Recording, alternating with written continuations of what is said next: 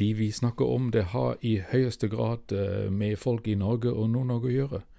Vi snakker ikke om et eller annet abstrakt, vi snakker om vår fremtid, vårt miljø og eh, vårt eh, næringsgrunnlag.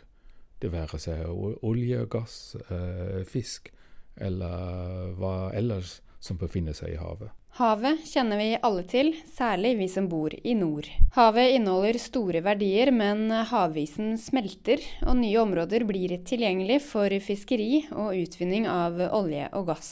Verdiene i det nordligste Barentshavet står på spill. Og nettopp det skal biologiprofessor Paul Wassmann og samfunnsviter Berit Christoffersen snakke om på Lørdagsuniversitetet. Jeg skal eh, snakke om eh, den store sammenheng mellom de eh, marine verdier langs den nordnorske kyst og Barentshavet, og hvordan de må betraktes i en sammenheng, og ikke stykkevis og delt. Og en av de tingene som er stykkevis og delt, det er jo det vi hører om i media som iskanten.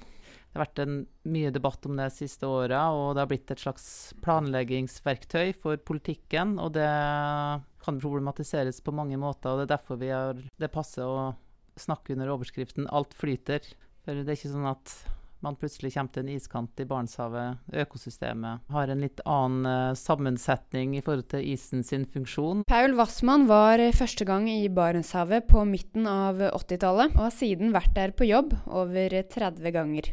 Arktis er eh, det området i verden som absolutt blir mest påvirket av klimaendringene.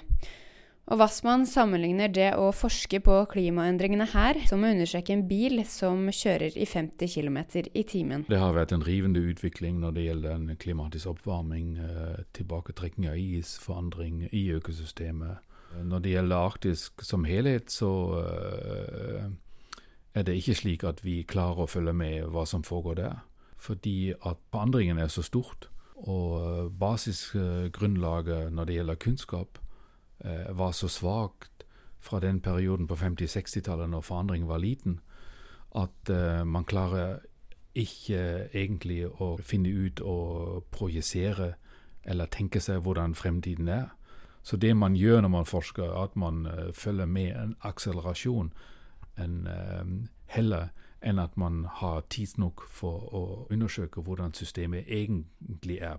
Stine Holand, ansvarlig for Lørdagsuniversitetet ved UiT, gleder seg til å sette i gang igjen. Vi har et kjempespennende program eh, der det overordna temaet er verdier. Veldig mange spennende foredrag. I fjor var det veldig gode besøkstall. Eh, vi var kjempefornøyd, og vi satte eh, ny rekord eh, på antall besøkende, og hadde et høyt antall eh, i gjennomsnittlig som besøkte oss hver lørdag. Vi har satt av mye tid til spørsmål og diskusjon, så det er også veldig åpent for å få svar på ting du lurer på. Gleder du deg? Ja, det gjør jeg. ja, ja, ja.